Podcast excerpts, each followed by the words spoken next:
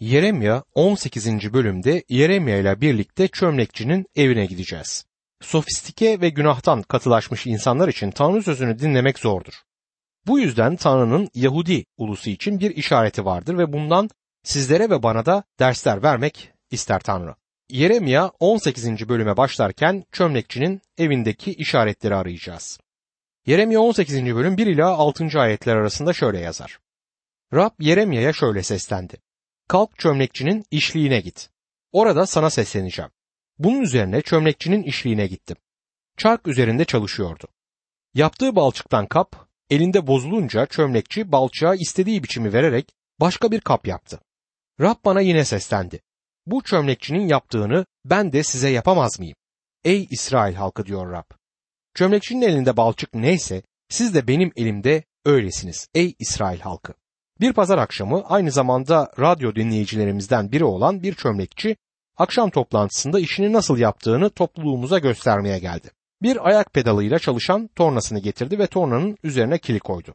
Ben mesajı verirken kilden bir şey yaptım. Bu çok basit bir deneydi ama hiç tekrar etmedim. O gece toplantıya katılanlar çömlekçiyi o kadar dikkatli izliyordu ki mesajımı kimsenin duyduğunu da sanmıyorum. Bundan yıllarca önce ara sıra bir çömlekçi atölyesinin önünden geçerdim. Bir gün benimle birlikte yolculuk eden arkadaşımla birlikte durup çömleklerin nasıl yapıldıklarını seyretmeye gittik. Hiç unutmadığım iki etkileyici ve çarpıcı manzara gördüm. Atölyenin arkasında hayatımda gördüğüm en çirkin çamur yığını vardı.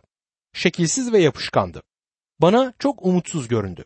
Atölyenin ön tarafında bir sergi vardı ve o odada hayatımda gördüğüm en güzel seramikleri gördüm. Sonra atölyeye girdim ve orada birçok çömlekçinin çalıştığını gördüm. Ayaklarıyla döndürdüğü tornaların üzerine eğilmiş çalışıyorlardı. Bütün dikkatlerini o çaresiz, umutsuz, çirkin, yapışkan, kirli çamurla çalışmaya verebilmeleri için ayak pedallarını kullanmaları bile gerekmiyordu. O çamurlardan sanat eserleri yaratarak onları değiştirmeye kararlıydılar. Arka taraftaki çamur yığınıyla ön taraftaki sergi odasında yer alan güzel seramikler arasındaki fark tornalarının üzerine eğilmiş çalışan bu adamlardı. Tanrı Yeremya adlı bu adamı da aynen böyle bir yere yolladı. Onu oraya bir vaizi görmeye göndermişti. Aslında bu çok basit bir vaizdi. Yeremya'nın bize verdiği bu çok harika yaşayan benzetmeyle özdeşleşmek çok kolaydır. Çömlekçinin kim olduğunu ve kilin kim olduğunu belirlemekte hiç güçlük çekmeyiz. Hatta Tanrı bunu bizim için yapar. Tanrı çömlekçidir ve buradaki kil İsrail'dir. Ayrıca bunu genelde insanlığa ve her bireye kişisel olarak atfetmek çok kolaydır. Her birey bir kil yığınıdır. Kişisel olarak konuşmama izin verirseniz siz çömlekçinin tornası üzerindeki kil yığınısınız. Sizin hayatınızda daha başka ne söylenebilirse söylensin, bugün siz yeryüzünde şimdiye kadar yaşamış her insan gibi çömlekçinin tornası üzerindeki kilsiniz. Çömlekçi ve kil benzetmesini yeni antlaşmada da görüyoruz. Elçi Paulus'un Romalılara yazdığı mektupta da aynı benzetmeyi kullandığını görürüz.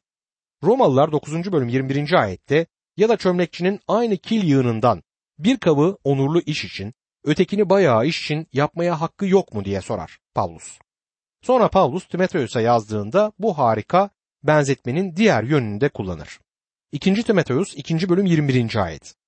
Bunun gibi kişi de kendini bayağı işlerden arıtırsa onurlu amaçlara uygun, kutsal kılınmış, efendisine yararlı, her iyi işe hazır bir kap olur. Böylece bu benzetmenin Tanrı sözü boyunca tekrarlandığını görüyoruz. Şimdi çömlekçinin ne yaptığına dikkat edin. Bir kap yapar ve yaptığı şey ellerinde bozuldu. Ona itaat etmiyordu. Kilin doğru kıvamda olması gerekir. Belki çok sert ya da çok yumuşaktı. Onun için onu bir tarafa bıraktı sonra onu alıp başka türlü bir kap yaptı. Bu bölümde görmemiz gereken iki şey vardır. Birincisi çömlekçinin gücü ve kilin kişiliği. İlk olarak çömlekçinin gücüne bakalım. Dev bir çömlekçi gibi Tanrı kili alıp insanı, insanın fiziksel kısmını yaratmıştır. Yaratılış 2. bölüm 7. ayette Rab Tanrı Adem'i topraktan yarattı ve burnuna yaşam soluğunu üfledi. Böylece Adem yaşayan varlık oldu der. Çömlekçi Tanrı'ydı. Şimdi başladığımız yere yine çömlekçinin evine gidelim ve Yeremya ile birlikte çömlekçinin çalışmasını seyredelim. Çömlekçinin bir tornası vardı. Biraz eski moda bir torna. Tornayı ayağıyla çeviriyor. Tornayı çevirirken elleri de becerikli bir sanatkar gibi kille uğraşıyor. Ondan bir sanat eseri yaratmaya çalışır. Şimdi ilk ilkeye dikkat edin. Tanrı egemendir. Çömlekçi mutlaktır. Yani kilin üzerinde gücü vardır ve gücü sınırsızdır. Hiçbir kil çömlekçiyi durduramaz ya da onun bunu yapma hakkını sorgulayamaz. Hiçbir kil onun iradesine karşı gelemez ya da ona hayır diyemez ve planlarını değiştiremez. Bir başka deyişle kil ona cevap veremez. Irmağın kenarında çamurla oynayan küçük bir çocuk hakkındaki çok saçma bir hikayeyi hatırlarım. Çamurdan bir adam yapmaya çalışıyormuş. Adamı yapmaya çalışmış ve epey de ilerleme kaydetmişken annesi onu çağırmış.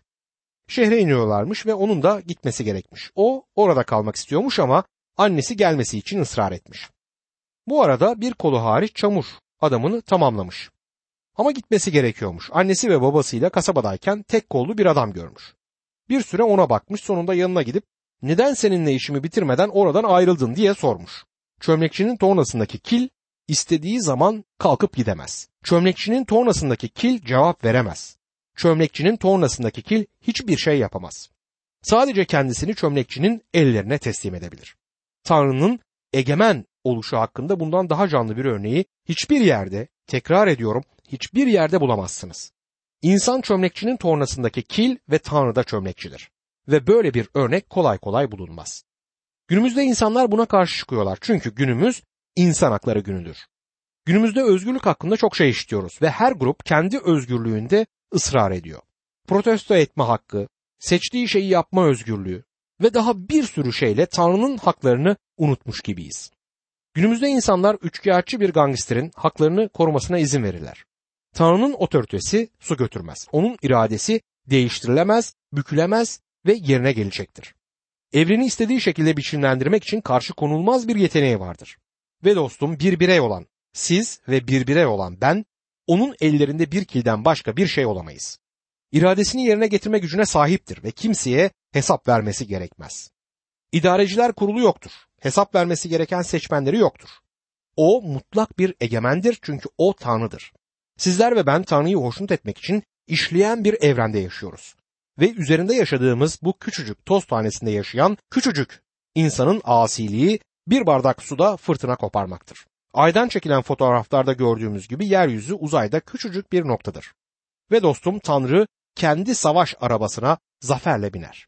Tanrı sözünde onun hakkında çok kesin şeyler bildirilmektedir. Romalılar 9. bölüm 19, 20 ve 21. ayetler buna çok güzel bir örnektir. Şöyle yazar. Şimdi bana öyleyse Tanrı insanı neden hala suçlu buluyor? Onun isteğine kim karşı durabilir diyeceksin. Ama ey insan sen kimsin ki Tanrı'ya karşılık veriyorsun? Kendisine biçim verilen, biçim verene beni niçin böyle yaptın der mi? Ya da çömlekçinin aynı kil yığınından bir kabı onurlu iş için, ötekini bayağı iş için yapmaya hakkı yok mu? Yahudiler Tanrı tarafından hiçbir şekilde terk edilmeyeceklerini ve Yahudi olmayanların hiçbir şekilde Tanrı tarafından kabul edilmeyeceğini düşünmüşlerdi diye yazan ben geldi. Ve büyük Alman yorumcusu Dr. Lench, insan kendisine kendi haklarıyla etkileyerek bağladığı bir tanrı yaratacak kadar ileriye gittiğinde tanrı kendi görkemini gösterir ve gerçekten olduğu insanın kendi önünde çömlekçinin elindeki kil gibi sadece hiçbir şey olduğu gibi özgür bir tanrı olduğunu gösterir diye yazar. Elçi Paulus Yahudi ferisiliği önünde Tanrı'yı savunurken tutumu böyleydi. Tanrı mutlaktır. Şimdi ise kilin kişiliğine bakalım. Birisinin çıkıp da inan bana burada benzetmeleri karıştırıyorsun. Bana kilin kişiliği olduğunu mu söyleyeceksin diyebilir. Kil biçimsiz, yaşamayan, canlı olmayan, hünersiz, hareketsiz, hiçbir şey yapamayan çamurdan bir yığındır. Mezmur yazarı çünkü mayamızı bilir toprak olduğumuzu anımsar diye yazmıştır. 103. mezmur 19. ayette. Doktor George Gill derste Tanrı bizim toprak olduğumuzu anımsar ama insan bazen bunu unutur ve kendini beğenmişliğe başlar. Ama Tanrı böyle yaptığında çamur olur derdi. Bazen bunu gerçekten unutuyoruz ama Tanrı toprak olduğumuzu hatırlıyor. Çömlekçinin evindeki tornanın üzerindeki kile baktım. O kilin hiçbir arzusu, hiçbir hakkı, hiçbir yeteneği yoktu. Çaresiz ve umutsuzdu. Kutsal kitapta bunu onaylar. Elçi Paulus'un Efesliler mektubunda ne yazdığına bakın. Bunu Efeslere yazdığı halde sözleri size ve banadır. Efesliler 2. bölüm 1. ayet. Sizler bir zamanlar içinde yaşadığınız suçlardan ve günahlardan ötürü ölüydünüz. İşte bu insandır. Daha sonra bu düşünceyi aynı bölümde biraz daha açarak 12. ayetin sonunda dünyada umutsuz ve tanrısızdınız diye ekler. Çömlekçinin tornası üzerindeki kil de bundan farklı değildir. Sonra Elçi Pavlus Romalılara şöyle der. Romalılar 5. bölüm 6. ayet. Evet biz daha çaresizken Mesih belirlenen zamanda tanrısızlar için öldü. Sizler ve benim Tanrımızın egemen bir Tanrı olduğunu ve bizlerin de kil olduğumuzu kabul etmemiz gerekmektedir. Bizler suç ve günahlarımızdan ötürü ölüydük. Kuvvetimiz yoktu, Tanrı ise güçlü çömlekçidir. Romalılar 9. bölüm 16. ayette demek ki bu insanın isteğine ya da çabasına değil, Tanrı'nın merhametine bağlıdır der. Yönetim Tanrı'nın elindedir. Hiçbirimiz Tanrı üzerinde hiçbir hak talep edemeyiz. Romalılar 9. bölüm 15. ayette ise çünkü Musa'ya şöyle diyor. Merhamet ettiğime merhamet edeceğim, acıdığıma acıyacağım. Musa Tanrı'ya yalvardığında Tanrı ona Musa seni duyacağım ama seni Musa olduğun için duymayacağım. Merhamet elimi uzattığım için duyacağım demişti. Tanrı'nın onu duymasının nedeni buydu. Tanrı'nın hiç kimseyi kurtarmaya mecburiyeti yoktur. İstediği gibi davranmakta özgürdür. Doğrudur ve kutsaldır. Burası kayıp bir dünya ve öyle de kalabilir ve kimsenin bir tek soru sormaya da hakkı olmaz. Şimdi bir de madalyonun diğer yüzüne bakalım. Kilin gücü ve çömlekçinin kişiliğinden söz edelim. Madalyonun diğer yüzü budur. Balçıktan biçim verdiği kap çömlekçinin elinde bozuldu. Çömlekçi istediği gibi balçıktan başka bir kap yaptı. Burada sadece Tanrı'nın egemen olduğu hakkında bir ilke görmüyoruz. Ayrıca burada bir amaç da bulunmaktadır. Şimdi kilin gücüne bakın. Çömlekçinin tornası üzerindeki kil. Bir dans gösterisi gibidir. Bu torna durumların tornasıdır. Evet öyle. Ben yaşamın büyük kararlarının kilisede alındığına inanmıyorum. Kararların gerçek hayatta, büroda, okulda, atölyede, hayatın değişik yollarının birleştiği noktalarda alındığına inanıyorum. Ve çömlekçinin de kil üzerinde çalıştığı yerler buralarıdır. Sizin üzerinizde çalıştığı yer burasıdır dostum. Sizler ve ben hiçbir zaman, hiçbir amacı, hiçbir anlamı yokmuş gibi görünen bir dünyada yaşıyoruz. Çok sayıda insan hayatın hiçbir amacını göremiyor. Gördükleri tek şey her baktıkları yerdeki kargaşa. Birisi bunu küçük bir tekerlemeyle açıklıyor. Hayaller ve büyük kargaşalar dünyasında sonuçlarımıza hayallerimizden ve hayal kırıklıklarımızda varıyoruz. Bu günümüz hayatı hakkında çok doğrudur. Gözlerimizi bir anlığına çömlekçinin tornasından uzaklaştıralım. Çömlekçinin arkasındaki raflar dolusu sanat eserlerini görüyoruz. Bu güzel objeler bir zamanlar çömlekçinin ellerine kendini teslim eden kil olarak duruyordu. Bir zamanlar biçimsiz bir çamur yığınıydılar. Peki nasıl değiştiler? O ölü kil çömlekçinin elindeydi ve durum tornası döndü. Çömlekçi onları şimdi sergide duran kaplara dönüştürdü. Yeremye kitabının ana hatlarını çalışırken sahilde bulduğum bir deniz kabuğuna gözlerim takıldı. Çok güzel küçük bir deniz kabuğuydu bu. Bu deniz kabuğuna bakarken Rabbin bize bir şey söylemeye çalıştığını düşündüm. Tanrı küçük bir hayvanla, küçücük bir yumuşakçayla işe başlayıp etrafına bu güzel kabuğu yapmıştı. Büyük mimar okyanusun dibindeki küçük bir deniz kabuğu için bu kadar zaman sarf ediyorsa günümüzdeki insan için ne yapar diye düşündüm. Şimdi yeniden çömlekçinin arkasındaki raflarda dizili olan sanat eserlerine bakalım. Şimdiye kadar kili kötüledik. Kil hakkında söylediklerim için özür dilerim. Harika bir kapasitesi ve esnekliği vardır. Dostum çömlekçinin arzuladığı şey budur. Kildir ve bunu saygıyla söylüyorum. Çömlekçi çelik istemez, petrol istemez, kaya istemez. Ne ister? Kil ister. Eline alıp biçim verebileceği bir şey ister. Peşinde olduğu nesne budur yani kil. Tanrı insanlar üzerinde çalışmak istemektedir. Birisi çıkıp da evet ama kıyaslama burada bitiyor. Tanrı ile insan arasındaki mesafe çömlekçi ile kil arasındaki mesafeden daha büyüktür diyebilir. Buna katılmıyorum. Aslında Tanrı insana çömlekçinin kile olduğundan daha yakındır. Şunu demek istiyorum. Yeremya'nın bizi götürdüğü çömlekçinin evinde çömlekçinin tornasının üzerindeki kilin hiçbir iradesi yoktur ama benim var.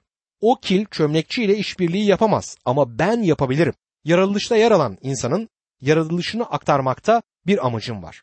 Tanrı insanı kendi benzerliğinden yaratmıştır. İnsanı fiziksel olarak yerin toprağından alıp insan yapmıştır. Nefes alıp verdiği yere yaşam ruhunu üflemiştir ve insan yaşayan bir can haline gelmiştir. Günümüzde insanın özgür iradesi var ve bunu kullanabilir. Kilin iradesi yoktur ama sizlerin ve benim irademiz var. Çömlekçi ile işbirliği yapabiliriz. Şimdi çömlekçiye bir soru sormak istiyorum. Beni çömlekçi tornasına koymaktaki amacın ne? Neden üzerimde çalışıyorsun? Neden benimle çalışmayı sürdürüyorsun? Çömlekçi neden bunu yapıyorsun? Saygısızlık etmiyorum. Sadece kurabiye çocuk gibi cevap arıyorum. Ey çömlekçi neden böyle yapıyorsun? Neyin peşindesin? Şimdi çömlekçinin evine geri dönüyorum. Beni dikkatle izleyin. Amacı keşfetmedim ama yaşamımın amacından daha önemli bir şey öğrendim. Çömlekçinin bir amacı olduğunu öğrendim ve bunu bilmek çok önemli. Burada çömlekçiyi seyrediyorum. Çömlekçinin niyeti ciddi. Kille sadece oynamıyor. Bu onun işi. Kille çalışmaya, ona zamanını, yeteneklerini ve armağanlarını katıyor. Yine Yeremya 18. bölüm 3 ve 4. ayetlere dikkat edin. Bunun üzerine çömlekçinin işliğine gittim. Çark üzerinde çalışıyordu. Yaptığı balçıktan kap elinde bozulunca çömlekçi balçığa istediği biçimi vererek başka bir kap yaptı diyor. Dostum bir kedi fare operasyonu değildir bu. Amatör çömlekçilik hiç değildir. Bu bir meslektir. Bu adamın hobisi değil. Bu adamın kendisini eğlendirmek için yaptığı bir şey değil. Ne yaptığını biliyor. Bizimle deney yapmıyor. Bir amacı var ve dostum bu bana teselli veriyor. Bu gördüğümüz ikinci büyük ilkedir. Çömlekçinin bir amacı var. Dışarıdan seyreden biri olarak Yeremya'ya durup ne yapacak diye soralım. Yeremya bilmiyorum bakalım ve görelim der. Seyreden kişi bakarken onun ne yaptığını anlayamaz ama çömlekçi ne yaptığını bilir. Bir planı var. Ne yaptığını biliyor. Kil çömlekçinin amacını bilmiyor. Ama dostum bir gün bileceğiz. Bizleri durumların tornasına koyduğunda bu onun bir şey başarmak istediğini gösterir. Bir amacı vardır. Mezmur yazarı 17. mezmur 15. ayette ama ben doğruluk sayesinde yüzünü göreceğim senin. Uyanınca suretini görmeye doyacağım der. Bir gün ben onun gibi olacağım. 1. Yuhanna 3. bölüm 2. ayet. Sevgili kardeşlerim daha şimdiden Tanrı'nın çocuklarıyız ama ne olacağımız henüz bize gösterilmedi. Ancak Mesih göründüğü zaman ona benzer olacağımızı biliyoruz. Çünkü onu olduğu gibi göreceğiz der. Bunların gerçekleştiği sabah çok güzel bir sabah olacak. O yeni bir gün olacak. Ve Tanrı haklı çıkacaktır. Tanrı acı çekmemize neden olduğu zaman zalimlik etmez. Bir gün o görkemli günde çömlekçinin sizin ve benim hayatımız için bir amacı olduğunu göreceğiz.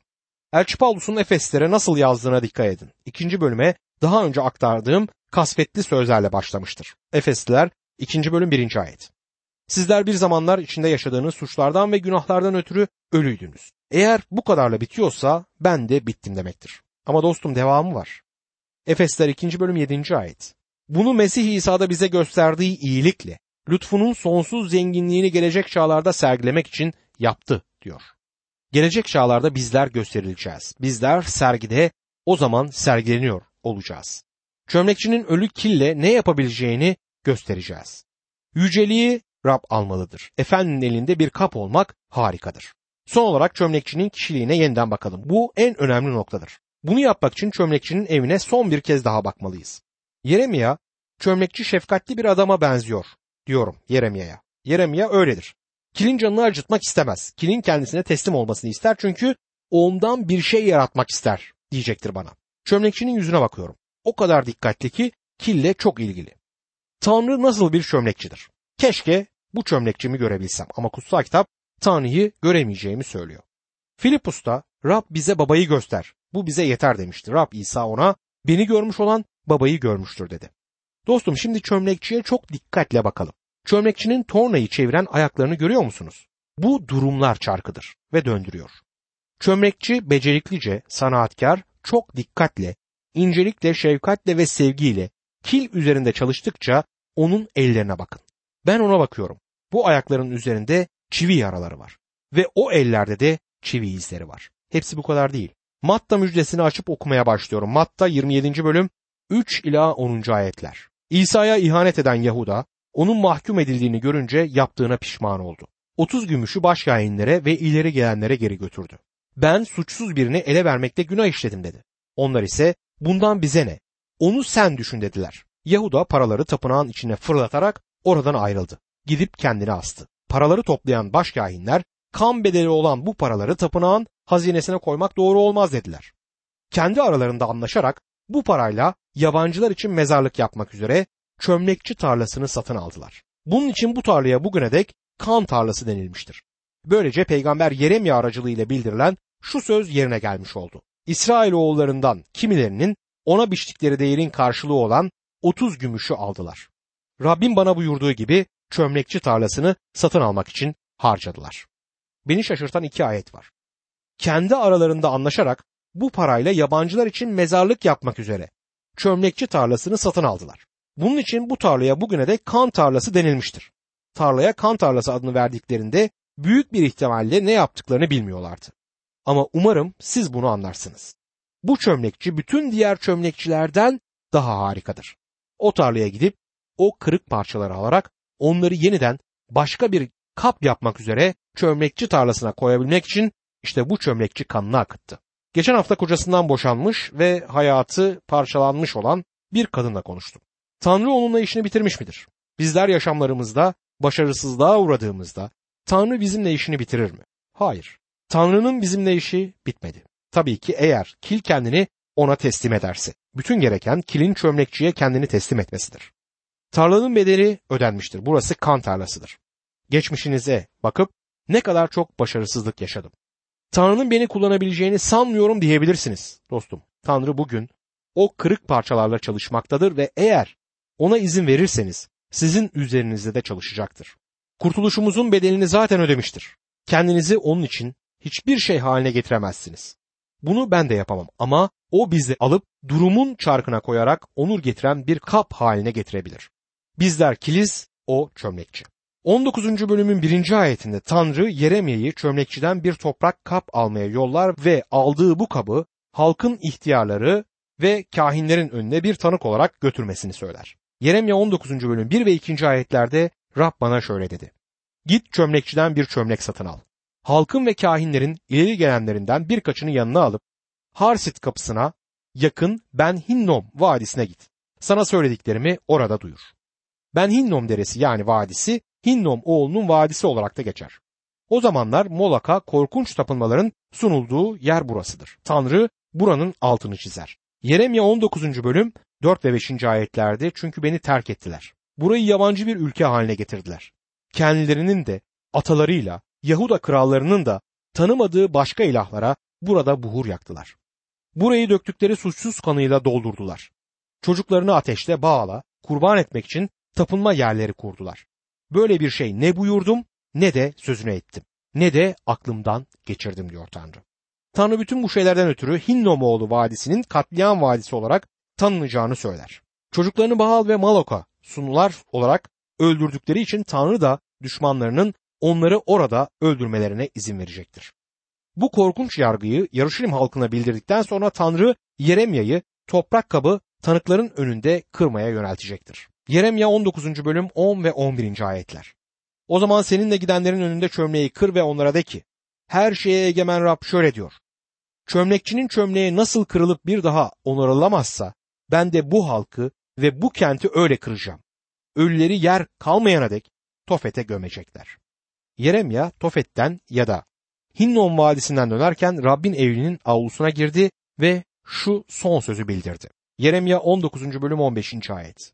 İsrail'in tanrısı her şeye egemen Rab diyor ki, işte bu kentte ve çevresindeki köylere sözüne ettiğim bütün felaketleri getireceğim. Çünkü dik başlılık edip sözümü dinlemediler.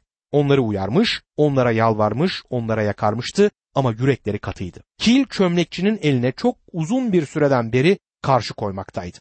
Çok yakında düşman gelecek ve ulusu paramparça olana dek kıracaktı.